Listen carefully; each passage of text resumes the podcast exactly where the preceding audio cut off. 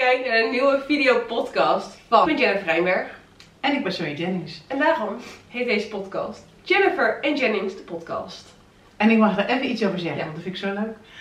Toen ik een klein meisje was en ik wist van nou, ooit word ik wel moeder. Dat had ik al gedacht van, oh als ik een meisje krijg, dan gaat ze Jennifer heten. Want ik vond Jennifer Jennings zo ontzettend leuk. Maar ja, ik was toen vergeten dat in die tijd als je trouwde, dan kreeg je gewoon de naam van je partner. Dus het werd niet Jennifer Jennings, maar Jennifer Rijnberg. En hoe leuk, nu na al die jaren, is het toch Jennifer Jennings geworden. Dus helemaal Ja. leuk, helemaal leuk. Nee, ik denk dat het eh, leuk is om even terug te gaan naar een paar weken geleden. Dat eh, dit eigenlijk allemaal ontstond. Ja. Eh, ik onderneem al zes jaar. waarin ik Beat by Jen heb, een kledinglabel voor mensen in een rolstoel. En twee jaar lang heb ik nu Le Mem gehad, loungewear voor dames en kinderen. En ik merkte heel erg dat ik daar niet meer de feeling in had die ik wilde hebben. Dus dat ik dat wilde af gaan sluiten. En ik had heel erg de eh, behoefte om meer met mijn eigen verhaal en eh, mijn jeugd, eh, mijn revalidatie, alles daaromheen te gaan delen en daar anderen mee te kunnen inspireren en herkenning en een erkenning te kunnen zijn voor mensen. Dus we zaten aan de keukentafel en we hadden het er een beetje over, ja, wat is nou leuk om op een, ja, toch makkelijke, toegankelijke manier Ja. eigenlijk te brengen. En niet zo heel strak van, oh ik heb de wijsheid, de bacht of wat dan ook. Maar gewoon je eigen ervaringen delen. Ja. Te kijken van, goh, misschien heeft iemand een vergelijkbare situatie. Dan denken ze, hé, hey, daar heb ik wel wat aan. Want dat is denk ik wat we allebei heel erg hebben ervaren. Is dat nou, het leven komt zoals het komt. En dat was denk ik ook het leuke dat we zeiden, hé, hey, de podcast, dat is ook eigenlijk, dat doe je gewoon ook spontaan. Niet met een van tevoren geschreven script of wat dan ook. Dus nee, gewoon echt Ja. wat, wat komt, dat komt. ja, en, en, en zo is het leven ook. Zo hebben wij dat ook ervaren. En ik denk dat we allebei onze nou ja, wegen achter ons hebben. Waarin we zeggen, goh, we zijn niet meer degene die, eh, die we waren in, in ontwikkeling. Misschien wel eens in eerste aanleg. Ja. Hè, als kind zijn, als heel klein kind zijn. Maar daarna gebeuren er heel veel dingen. Komen op je pad. Ja, en dan eh, ga je gedrag aan eh, meten. Wat niet altijd even handig is. En dan moet je soms door eh, bepaalde dalen heen om weer terug in contact te komen, dat gevoel. En dat Ja. heb jij natuurlijk heel mooi ervaren.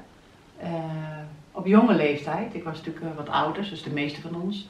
Ergens tussen je nou, 30, 35 en 45, 50ste begint dat proces vaker. Ja, dan wel wat jonger. Ja, ik heb hem inderdaad in mijn tienerjaren eh, doorlopen. Maar daardoor sta ik nu wel al met 26 jaar op een veel verder stuk. En ook een stuk in persoonlijke ontwikkeling waar ik gewoon al een stuk verder in ben. eh, wat ik heel interessant vind. Ja. Maar het kwam een beetje in het gesprek van ja, weet je, we hebben zoveel gemeen. En ik denk dat we een hele sterke, goede band altijd al hebben. Maar dat dat juist door alles nog versterkt is. En nog meer naar elkaar toegegroeid zijn. Dus hoe tof is het om dan vanuit beide perspectieven over onderwerpen te kunnen praten. Van hoe heb jij dat als moederrol ervaren en ik als kindsrol, maar ook nu Ja. ik zelf weer een dochtertje heb. Hoe gaan die patronen en hoe kunnen we daarmee eh, elkaar advies geven? Ja, en vasthouden aan dat wat gewerkt heeft en wat goed was. En proberen los te laten. We zeggen, hé, hey, dat beïnvloedt me zo. eh, in, in de negatieve, dus meer beperkende gedachten. Hoe kun je daarvan loskomen? Ja, dan moet je toch een beetje op zoek naar waar komt het vandaan. Ja. En eh, nou, wat is de drijfveer daarachter? Ja, wat vind je zelf belangrijk waar sta je zelf voor? En wil je nou iets vertellen over hoe jouw levenspad dan is geweest? Of eh, hoe zullen we dit dan doen? Want Ehm. we praten natuurlijk in hele abstracte, vage termen. En dan denk ik, ja, leuk, hoor, mozo, wat, wat dan? Ja, ik denk dat we daar wel even op in kunnen gaan zoomen. Ja, is goed. Nee, dat, bij mij is het eigenlijk vanaf mijn baby zijnde al begonnen dat ik eh, veel vage klachten had. eh, als baby altijd onder de blauwe plekken zat. Dan moet jij even een beetje navullen. Ja, nou ja, niet zo erg dat ze denken van, hé, hey, kindermishandeling of wat dan ook. Maar en je zegt baby, maar het is veel meer vanaf eigenlijk kleuterleeftijd. Waarop je echt gaat ravotten, dingen gaat doen, op turnen. En daar, daar was het, hè. Niet zozeer als babytje zijnde. Nou, ik heb dus nooit gekropen. Dat is bijvoorbeeld Dat is ook wel waar. nu achteraf Maar ja. Justin ook niet, die heeft het ook Nou in ja, die zin niet. Maar goed. Maar in ieder geval, er kwamen gewoon op, op jonge leeftijd al wat vage klachten. Dat ik vaak eh, dingen kneusde. lo- iedereen noemde me altijd lont, een pechvogel. Ik had altijd wel wat. En dat is eigenlijk, werd dat steeds wel wat erger.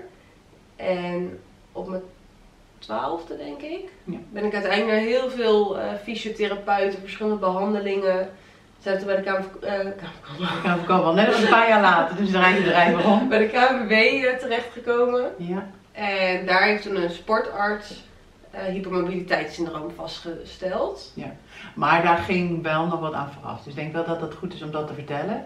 Want daar, je, je maakt nu een hele grote stap, denk ik. Want toen was je niet 12, toen was je al een stuk ouder.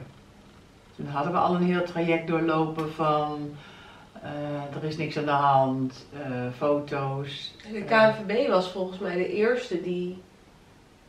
Dat inderdaad altijd was die pechvogel, ik heb niks. Ja, ja. Eh, en de KNVB was volgens mij de eerste die zei: nee, maar er is hier meer aan de hand. En toen heeft die arts, en die heeft toen gezegd: als je hier niet serieus mee omgaat, kom je in een rolstoel terecht. Ja, en toen? Want waar zit jij dan ongeveer in jouw gedachten?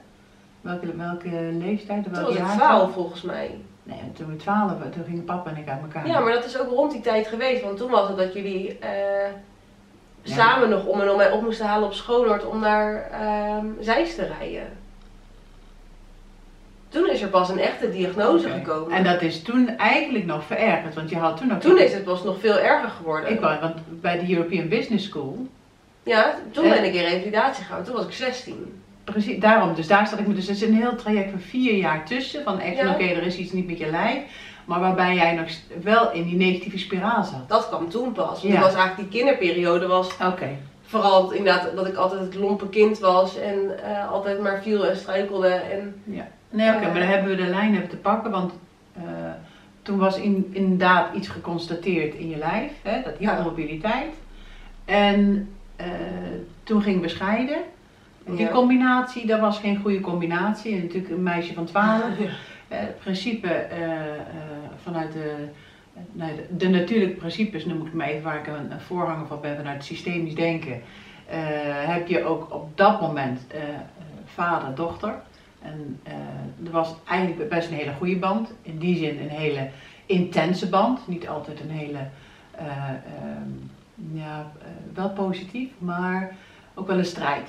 Zoals het vaak is tussen eh, vaders, dochters. Maar hij was eigenlijk heel erg goed. Ja. Alleen toen met de scheiding, eh, nadat we uit elkaar gingen, was dat niet goed omdat er te snel voor jou heel veel dingen gebeurden. ja. En dat, dat maakte uiteindelijk dat we twee, drie jaar lang in, in een situatie terechtkwamen. Ook op school wat niet, eh, niet alles even soepel verliep. Eh, vrienden die niet helemaal goed waren goed waren. Nee, daar zit voor mij altijd nog steeds wel een onderscheid in. Want ik heb toen ook mijn schouder kapot Het is gewoon verkouden hoor. Het is Ja. geen emoties of zo. Dat eh, komt misschien later, maar dit is verkoudheid. En ze heeft vanmorgen nog een zelftest gedaan. Ja, mag test op COVID, allemaal niet. Maar daar zit voor mij altijd wel een beetje die scheidingslijn in. Dat ik rond die periode ook mijn schouder kapot zwom. Waardoor ik heel veel pijn aan mijn schouder altijd had. Ja. Ehm, en dat was eigenlijk inderdaad na mijn revalidatie Ja. nog anderhalf jaar daarna pas geconstateerd dat mijn schouder zo kapot was. Ja. En voor mij is dat eigenlijk altijd de trigger geweest, hoe ik het zelf zie, waardoor alles Ja. Als je lichaam constant een pijnprikkel geeft van er is iets kapot, er is iets kapot, er is iets kapot. En je daar niet naar luistert, alleen maar doorgaat, want er was niks aan de hand. En dan ook nog je mentale gestel wat erbij komt, dat, dat dat een error maakt. Ja, want uiteindelijk was het op een gegeven ogenblik zo. Nou, Jen heeft eh, de middelbare school eh, afgerond. Toen hadden we zoiets van: oké, wat ga je nu doen? En wij hadden wel duidelijk zoiets van: nou, als Jen naar een ROC gaat, dan gaat het gewoon helemaal mis. Want ze, dat is te groot, dat is te anoniem. En toen is ze gekozen voor de European Business School in Ja, Amsterdam.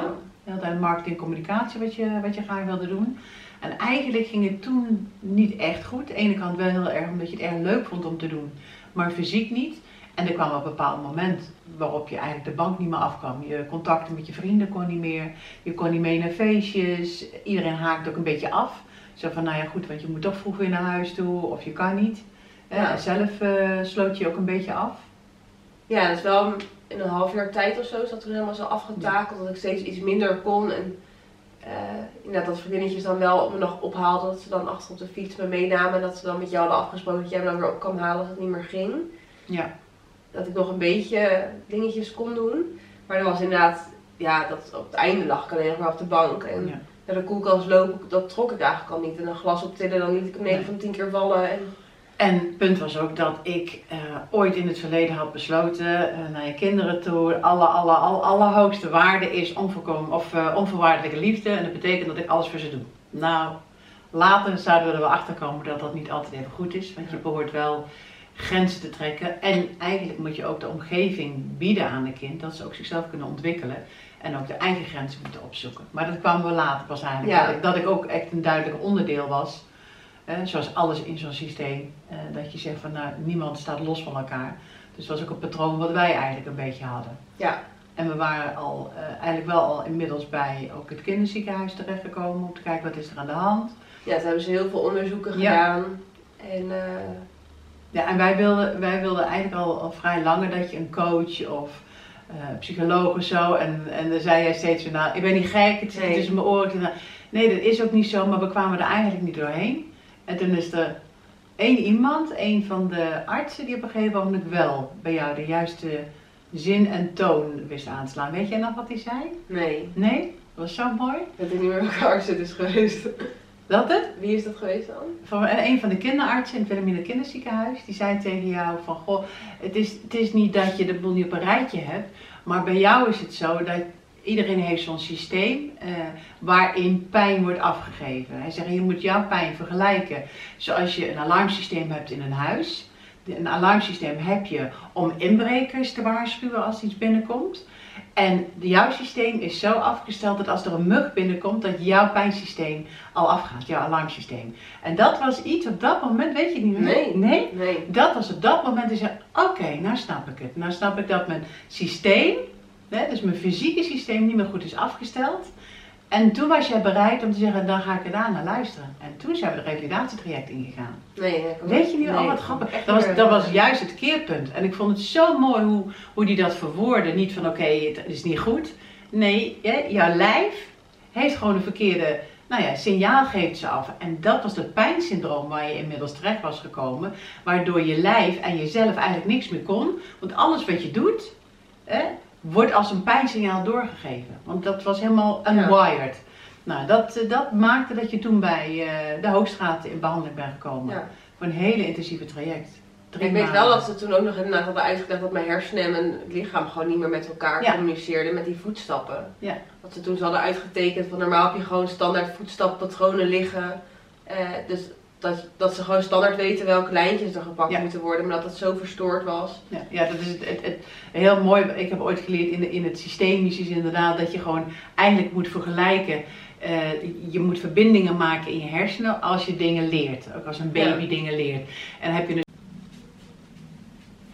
Oh, hij viel even uit. oké, eh, waarbij je een, een wit sneeuwveld hebt, eh, waarbij er helemaal nog niks is.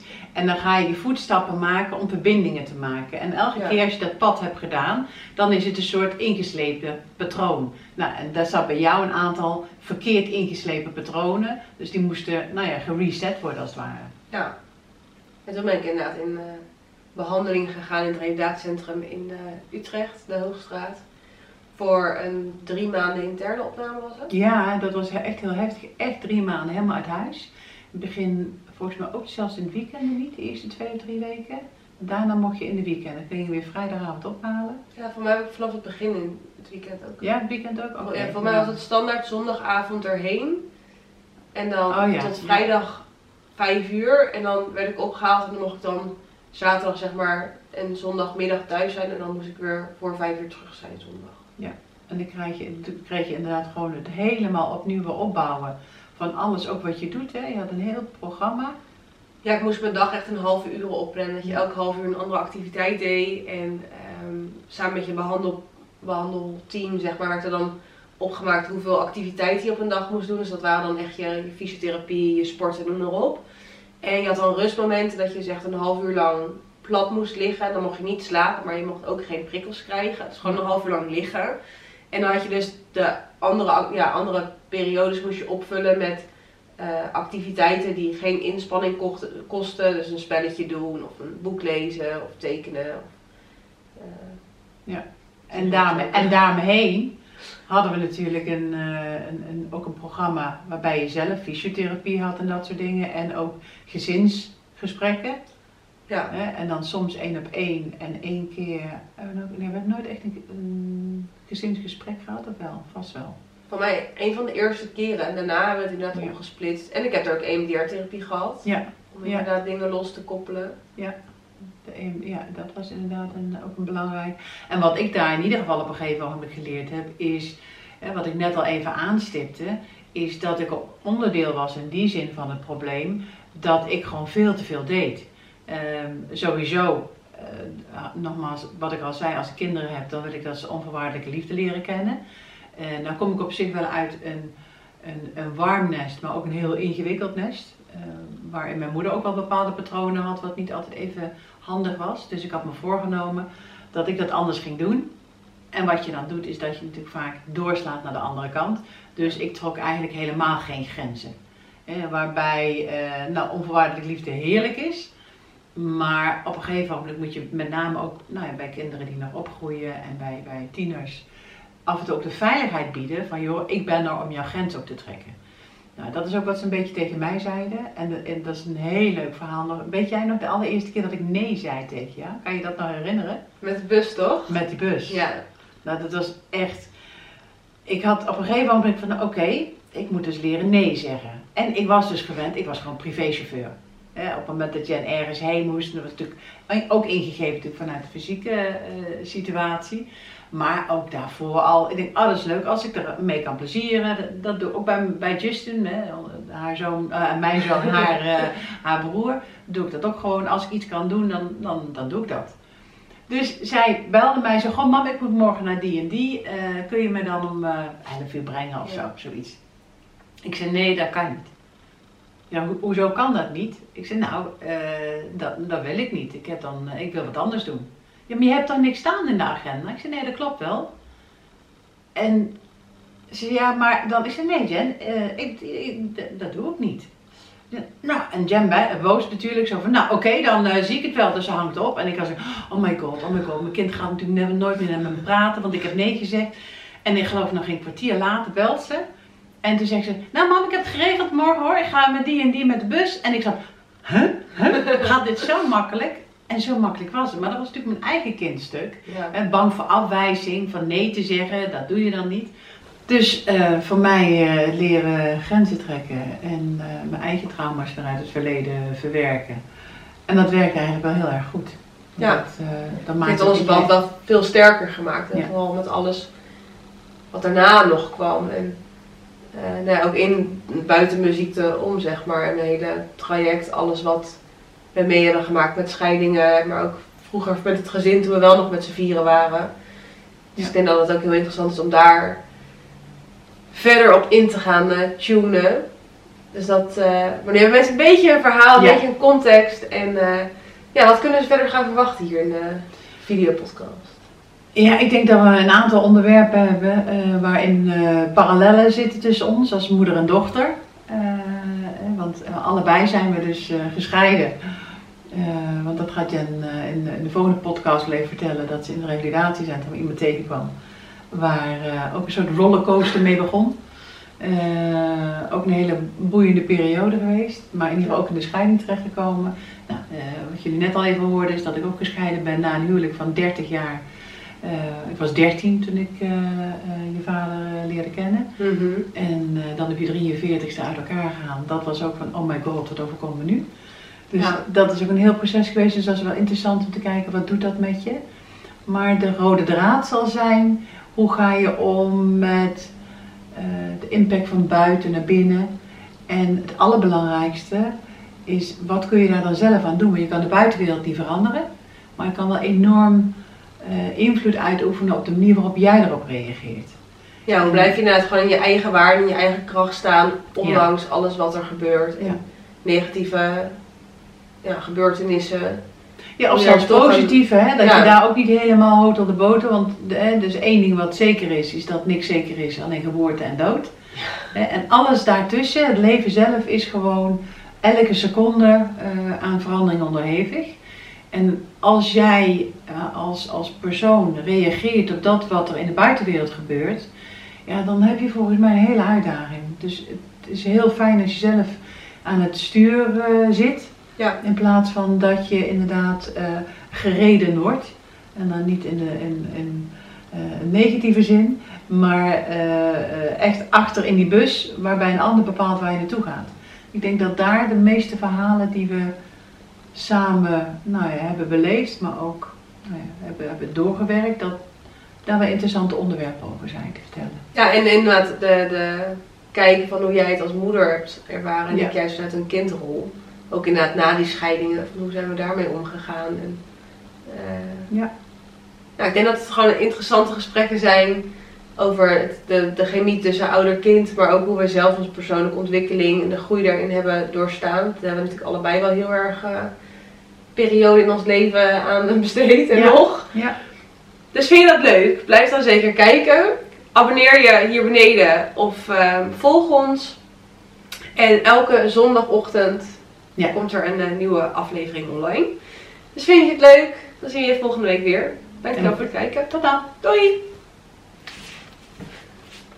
Zo, nou, dat was de eerste. Ja, maar eh, het is wel even zoeken, hè? Ja. Uit, uit de losse pols. Ja, je vertelt gewoon, maar je weet niet zo goed van ja, is het te, veel in één keer? Eh, ik Ja. zit te denken, we hebben niet gezegd wat jij doet of zo.